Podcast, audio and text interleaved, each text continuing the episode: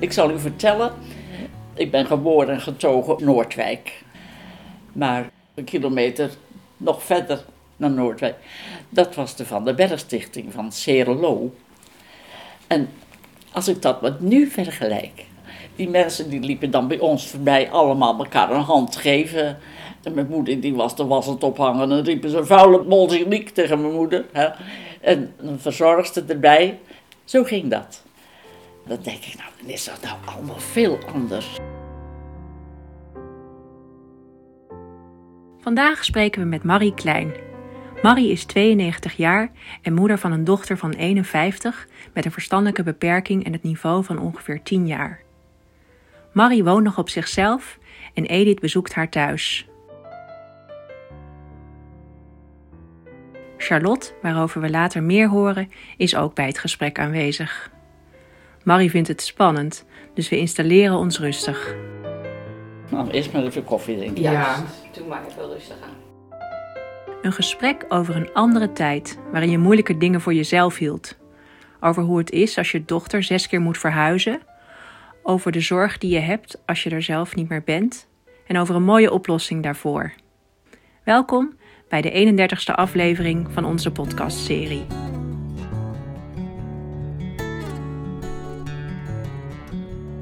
Ik ben Edith Raap. Ik geef les in ouderbegeleiding aan de Hogeschool Utrecht en doe promotieonderzoek naar levend verlies. Ik ben Minke Verdonk. Ik ben moeder van een zoon met een lichamelijke beperking en ouderbegeleider. En ik ben Irene Sies. Onder de naam Gewoon Irene blog ik over de alledaagse dingen in mijn leven als moeder van vier kinderen. We maken samen een podcast over levend verlies. We voeren gesprekken met ouders, naasten en zorgverleners. Levend verlies. Steeds terugkerende gevoelens van verlies, verdriet en rouw van ouders met een kind met een beperking of chronische aandoening.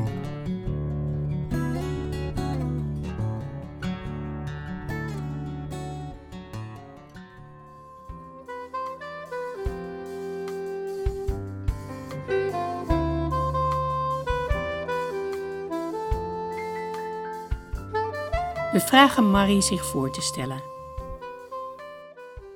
Ik ben uh, Marie Klein, oude hand.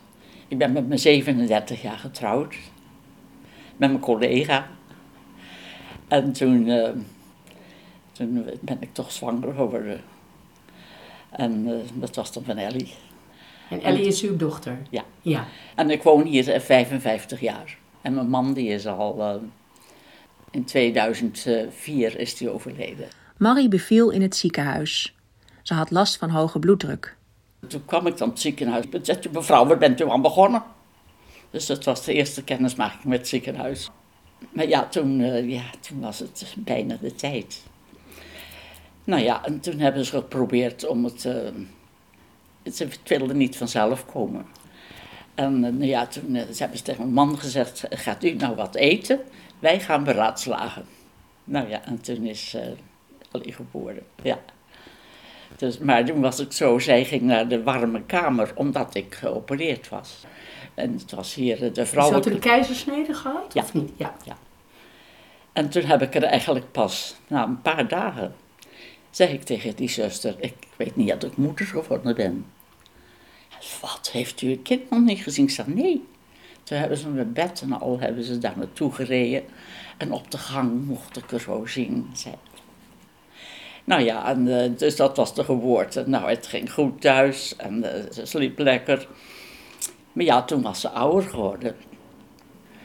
En ja, en ik ging naar de kleuterbureau en daar zeiden ze, ja... Kijk, ik had geen ervaring, hè. Maar daar zagen ze wel dat ze wapperde gauw met haar handen zo. Nou ja, en uh, toen moest ik dan toch maar naar het ziekenhuis. Ellie blijkt na onderzoek een verstandelijke beperking te hebben. Ze kan niet veel prikkels hebben. Toen dacht ik, ja, het is geen kind voor met een hoop om zich heen. Dus uh, toen hoorde ik dat er uh, hier in, bij Duinzicht, er was twee lokalen maar. En er was open dag, dus ik ben er naartoe gegaan. En ze kon komen. En uh, nou, ze vond het er heerlijk. En na een paar dagen, toen eh, dacht ik, ik ga er halen. Hè. En toen zag ik aan de overkant. Ik dacht, god, dat meisje dat heeft dezelfde jek. Maar toen was het. Want het was zo, als het bijna tijd was, dan mochten ze naar de speelplaats. Maar ze had een tas om de nek altijd. En eh, nou, die had ze ook om. Dus toen dacht ik, maar naar huis. Nou, ik schrok me dood. Nou, ik teruggegaan.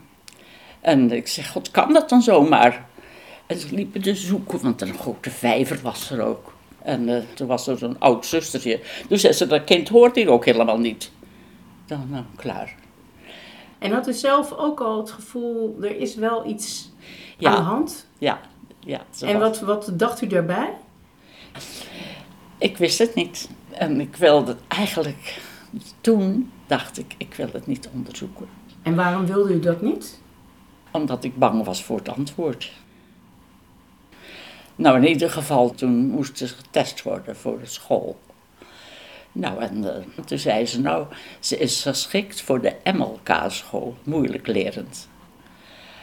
Nou ja, goed, toen is ze dan op school gekomen. Maar ja, ik vond het, eh, ik was er ook niet gelukkig mee. Zij kon niet zo met de anderen. En ze pestte er. En ze, ze, had soms hele blauwe plekken in, in haar hals en zo. Dus ja, ze was het er niet. En toen zei de juf het ook, ze is niet gelukkig hier. Nou, en toen moest ze naar de ZMLK. Nou ja, dat vond ik een hele terugstap. Ja. En toen liep ik dan buiten. Ik had het daar gebracht. Dus ik liep ook in tranen buiten. En toen, want ik ging het brengen nog, want ik schaamde me voor een busje. En toen kwam ik haar halen. Toen zei ze, toen je wegging, toen dacht ik, hoe heb je me hier kunnen laten? Ik zei, ja, kind. Maar ze heeft het daar zo leuk gehad. Ja. Maar voor u was het heel moeilijk in het begin. Ja, van- ik vond het Ja. Je ja. moest weer een stap terug doen. Ja. En hoe was dat in die tijd? Was er eigenlijk steun voor u in dat proces? Want dan gaat je kind naar, eerst naar het MLK, dan naar het ZMLK. Was er iemand die met nou, jou nee, een gesprek dat- had? Nee, nee, nee, nee. En praatte u met andere mensen over? Met familie? Of... Nou ja, ja, je hield het een beetje voor jezelf.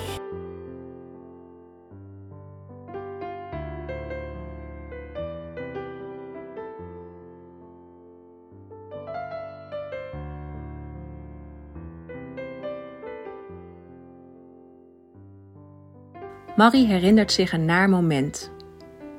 Het, het rottige vond ik ook. Toen eh, er was een meisje, die heette Joke, die was ook op die kleuterschool. Hier. Dan moest ze per se naast dat meisje zitten. En dat meisje kwam wel eens hier spelen. En toen zat ze altijd te kijken of ze nog niet aankwam. Want toen ging ze ondertussen ging die naar de grote school. En eh, toen kwam ze zeggen, ja Ellie, ik kom niet meer met je spelen. Nou, dat vond ik. En waarom was dat? Ja, de moeder had gezegd, eh, als je het niet meer wil, dan ga je het zeggen. Dat vond ik heel wel, ja, ja, Dat zijn pijnlijke dingen, hè? ja. En hoe ging het verder? Toen zat ze, ze zat dus op de ZMLK. Nou ja, en toen eh, eh, zat mijn man een keer bij het hoofd van de school. Het was ook een schat van een man hoor. En daar kon je echt lekker mee praten ook. En toen kwam de telefoon. En, eh, en toen zei hij ja, dat was om voor Ellie. Voor eh, of ze nou een uitkering kreeg of dat ze moest werken. Toen heeft hij dan geadviseerd, het hoofd van de school, nou ja, dat ze een uitkering kreeg.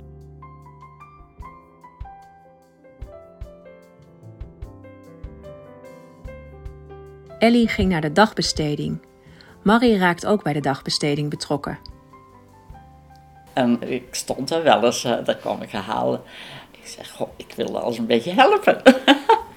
en toen ben ik één dag in de week, ben ik daar eh, zomaar bezig helpen. En dan zei ik, Ellie, ik ben hier niet je moeder. Hou dat in de gaten. Hè?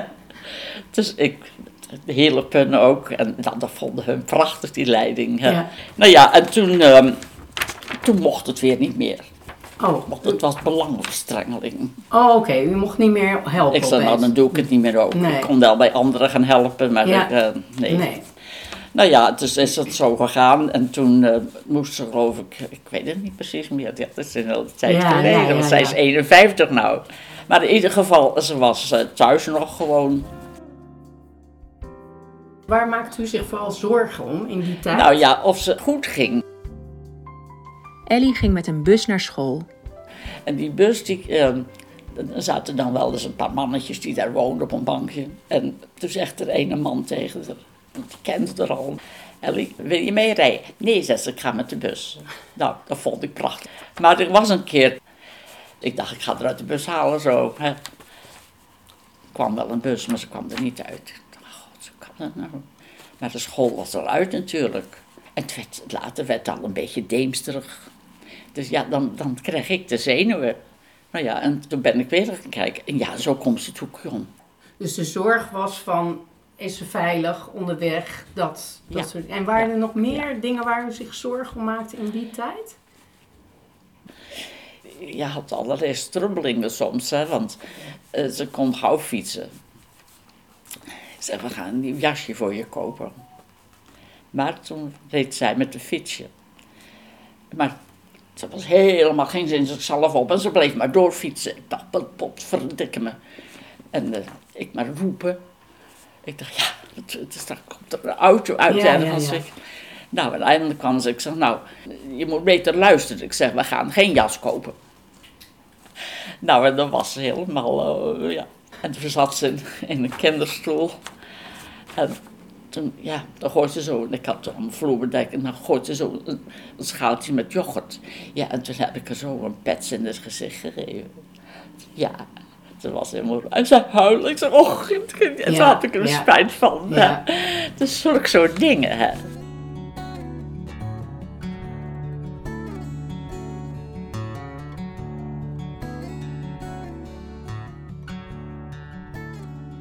En wanneer is ze, want ze woont nu niet meer thuis. Ja. Wanneer is ze uit huis gegaan? Nou, ik denk dat ze een jaar of 28 was. Dus ze is nog lang thuis geweest. En ehm, toen zegt ze, nou, ze gaan allemaal uit huis. Ze zegt, wanneer mag ik nou eens? Ik zeg, nou Ellie, schrijf een briefje. En ze kon schrijven, wa- wanneer jij aan de beurt bent. Nou, dat is zij gedaan. En toen gingen we op vakantie. En toen kwamen we terug, toen lag er een brief. Dat ze een plekje voor haar hadden. Nou, ik schrok me dood. Ja, dus ja, en dan, dan wordt het menens, nou gaat ze eruit. Ja. Maar eh, toen brachten we er weg. Nou ja, tassen met spullen natuurlijk, en de kleren van haar. En, en toen zaten we op het kamertje boven, dat was slaapkamer ook. En toen zaten we daar, toen zegt ze, ja, was een rode kleur. Toen zei ze, nou, zal, ik nou jullie jassen maar gaan halen? ze kon het niet meer. Nee, nee. nee. Nou, en wij zaten in de auto buiten parkeerterrein. Zaten we alle twee te huilen. Ja. Man en ik. Ja. ja, Ja. ja. toen was ze eruit. Ja, ja dat, ik vond het heel erg. Maar ja, goed. Het was beter zo. En had u wel vertrouwen in de plek waar ze zat? Ja, dat was... eh, ja. Ze, ja. Marie maakte zich nog wel ergens speciaal zorgen over. Nou ja, was dat een eh, jongen ook. En dat was echt een downjongen. En ja, er was helemaal verliefd op. Mist hij op haar. En eh, toen zijn ze naar boven gegaan. Ze had geloof ik al, toch al een conceptiepil hoor. En eh, ja, toen kwamen ze geloof ik naar beneden. En eh, ja, ze hadden alle twee pijn gehad.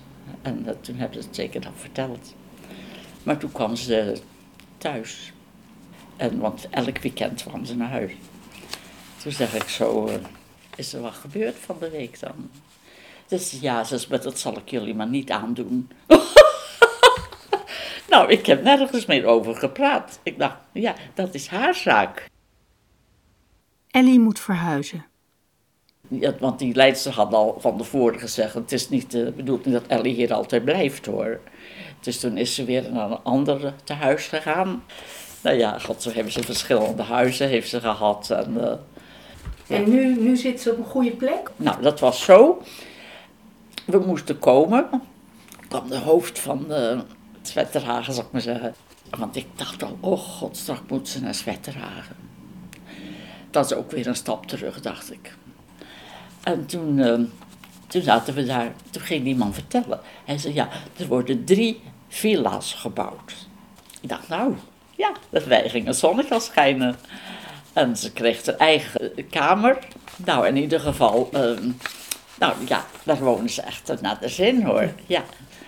Maar toen kwam er een nieuw meisje. Maar dat was zo'n vreemd kind, dan was ze heel gewoon. En dan zat een konijn en daar zat ze dan mee op schoot. En toen heeft ze dat konijn willen verdrinken in een vijver daarvoor. En ze had tegen Ellie's deur aangeschopt en Ellie had de zenuwen gewoon van dat meisje. Nou, en eh, toen ben ik daar ook naartoe gegaan. En, en ze zat te huilen. En ik wil hier weg, ik wil hier niet meer blijven. Nou ja, dacht ik, wat we nou weer? Nou, en toen was er de, de leidster daar. En toen zei die leidster, ehm, want Ellie hoort hier niet.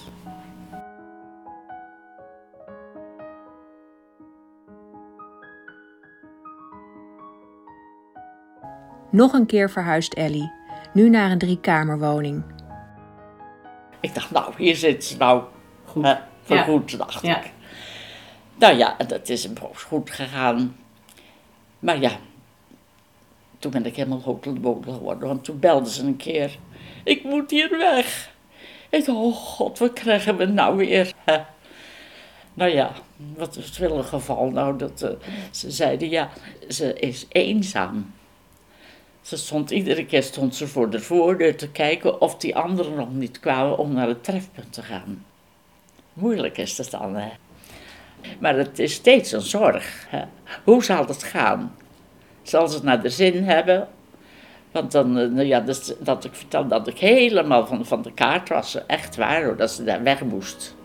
Ik dacht, god, wat krijgen we nou weer? Opnieuw moet Ellie verhuizen. Weer een nieuw huis. Dit was de zesde plek. Ellie komt toevallig weer te wonen bij de jongen waar ze eerder verliefd op was. En maakt u zich daar zorgen om?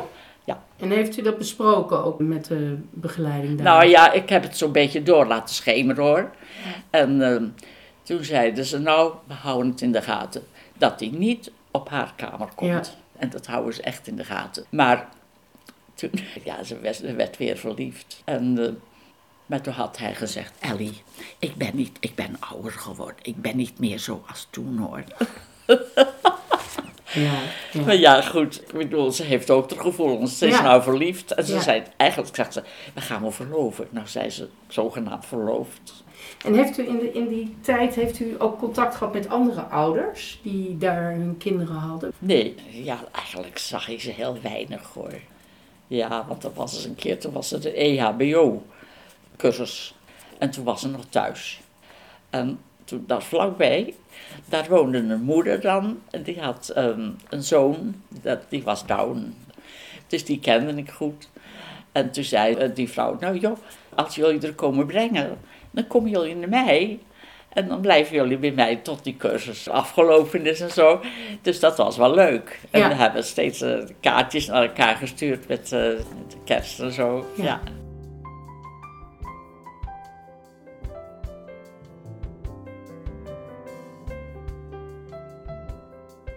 Marie vertelt hoe vervelend ze het vond om steeds weer het verhaal over Ellie te moeten vertellen als ze weer op een nieuwe plek kwam wonen.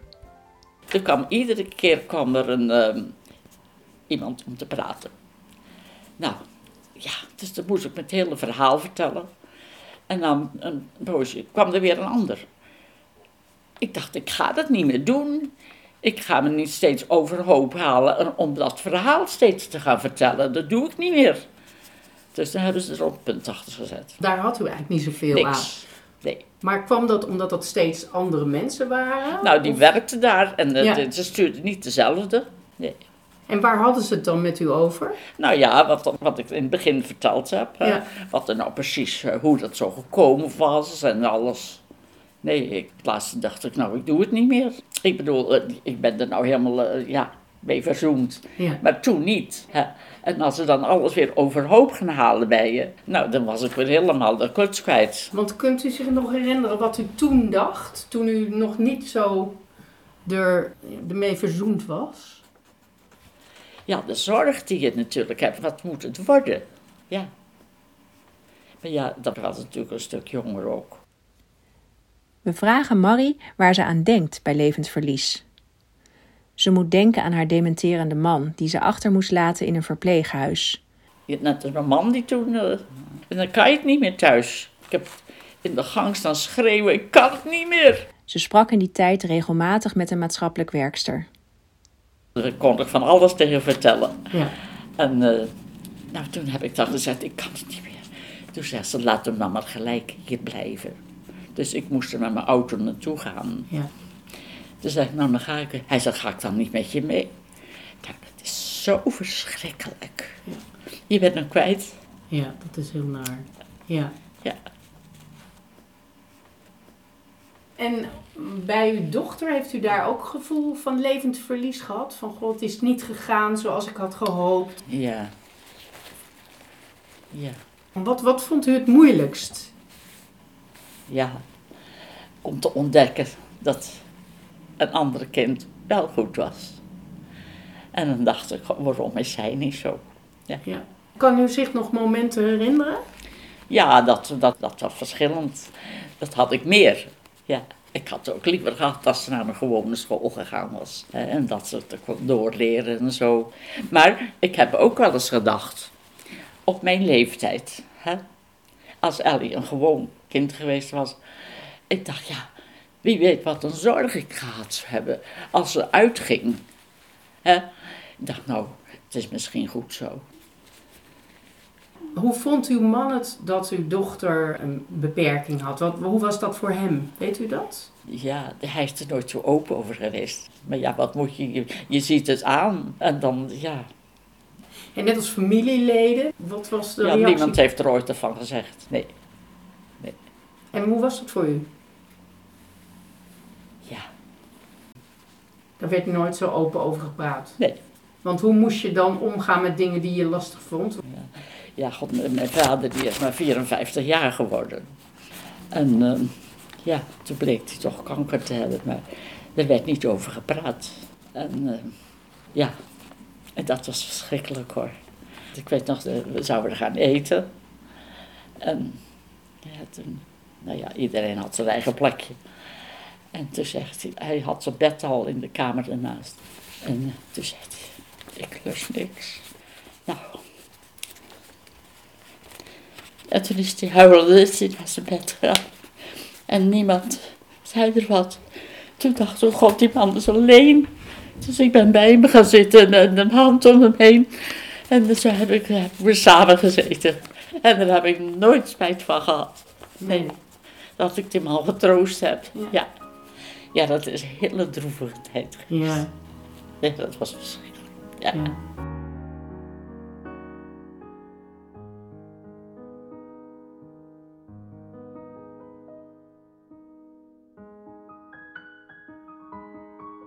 En er zijn heel veel ouders die zeggen van ik maak me heel erg zorgen om als ik overlijd hoe het met mijn kind Ja. gaat. Ja. ja, natuurlijk heb ik dat. Ik heb één zuster, nou ja, die woont in Katwijk, die, die wordt ook 90 jaar. En de rest is, eh, is overleden. Marie leerde Charlotte kennen. Dat bracht perspectief. Het is eigenlijk zo gekomen. Ik, ik kende er eigenlijk helemaal niet. Maar toen zijn we in gesprek gekomen. Toen zegt ze, nou, ik doe wel eens zegt ze, voor ouderen hier, eens in de vier weken, dat ze bij me komen eten. Hè? Of ik er ook ideeën had. Nou, dat vind ik wel leuk. Ik was alleen, mijn man leefde niet meer. Dus dan, dan pak je dat aan. Nou, en eh, we betaalden dan aan er ook. Hè. Ze sloofden zich uit. ja hoor, we hebben altijd heerlijke avonden gehad. Ja. Charlotte, zou jij ook even wat willen zeggen wie jij bent? Wat, waarom jij dat plan had? Nou ja, ik eh, verzorgde iemand eigenlijk die naar een verpleeghuis moest. En daar zag ik ontzettend veel eenzame mensen die elke dag bij hun demente man of vrouw op bezoek kwamen. En met allemaal dezelfde narigheid. En die mensen moesten allemaal alleen naar huis en die aten allemaal alleen. En toen dacht ik, hoe mooi is dat als die mensen met elkaar kunnen eten? Dus ik had gevraagd aan dat eh, restaurant of ze dat misschien konden organiseren. Het restaurant bij het verpleeghuis? Ja, bij het verpleeghuis. Maar eh, nee, dat is allemaal lastig en we gaan om vijf uur dicht. En ik zei, nou doe je tussen de middag. Nou, dat kon allemaal niet. Toen dacht ik, ik ga het zelf doen. Dus ik had daar aardig wat mensen ontmoet uit mijn buurtje hier, ook Marie en andere mensen. Dus ja, ik had binnen no time had ik een club van twaalf oudjes. En ja, daar organiseerde ik etentjes voor. En zo is Marie erbij gekomen. En dat is één keer per maand? Nou, het was één keer per vijf, Tot zes de- weken, zoiets. Ja, totdat de corona kwam. En ik had ook subsidie aangevraagd bij de gemeente. En dan gingen we ook uitstapjes doen. Dus ja, we hebben al heel wat meegemaakt. Het is al tien jaar geleden dat ik dit begonnen ben. En zo ben ik dichter bij jou gekomen. Ja. Hè? Ik ben nu ook de executeur geworden van Marie. Ik word ook de mentor van haar dochter Ellie. Dus ja, En hoe is dat voor jou? Want dat is ook best wel wel een verantwoordelijkheid. Ja, ik ben gewoon een zorgmens. dus het is voor mij eigenlijk heel normaal. En dat is voor jou, Marie, natuurlijk heel fijn. dat Oh, heerlijk. Ja. Ik zal u vertellen, ik zie het nog voor me. De man, Peter heet ik, die zat er op de banken. Jij was er niet bij. En ik zat daar in mijn stoel. En ik was een beetje zenuwachtig. Ik zeg, Peter, ik zou graag willen of jullie voor me willen zorgen. Hij zei, ja, daar moet ik even thuis over praten. Ik zei, ja, natuurlijk. Toen zijn ze samen gekomen. En ik zei, ja, ja, ik hou van jullie. nou, en eh, nou ja, dat hun voor de zorg en zo. Ja, ja. Want Ja. is die zorg... Ik kan me voorstellen dat die zorg steeds groter wordt naarmate je ouder wordt. tuurlijk. Ja. En wat dat zit ik wel eens te vergelijken. Ik dacht, wat ben ik nou toch een tut? Hè? Maar ja, dat gaat zo. Hè? Dat je ouder wordt. Ja. Dan, dan, dan heb je, zit je gauw ergens over in de war. Maak je je sneller zorgen of Ja. dan zit je Ja. meer te piekeren? We vragen Marie of ze nog iets wil meegeven aan de luisteraars. Ja, ja, je hebt meer zorg als dat, ja. En dan denk ik, ja, ik zou het er niet willen ruilen. Nee. Nee. Het gesprek is afgelopen. Marie is opgelucht. Was het toch spannend? Ja, toen ik hoorde dat het via opgenomen werd, dacht ik, dat vind ik wel een beetje eng. Ja. Ze heeft nog wel wat te zeggen over het woord podcast. Hoe komen ze aan dit het woord dan podcast? Ik vind het net een prullenbak.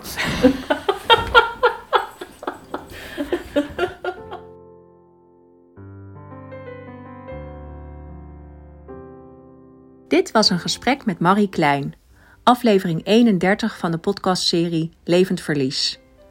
De volgende keer spreken we met Tom Rusting, vader van een zoon met psychische problemen, familie-ervaringsdeskundige bij Altrecht en oprichter van de stichting Naastentraining. Luister je graag naar onze podcastserie? Laat een waardering achter en vertel over onze podcast aan anderen. Dank voor het luisteren en tot de volgende aflevering.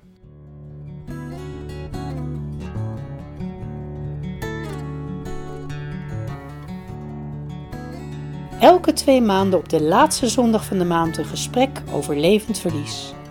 Abonneer je op onze podcast en kijk ook eens op onze website levend-verlies.nl. We zijn ook te vinden op Facebook en Instagram. Bedankt voor het luisteren.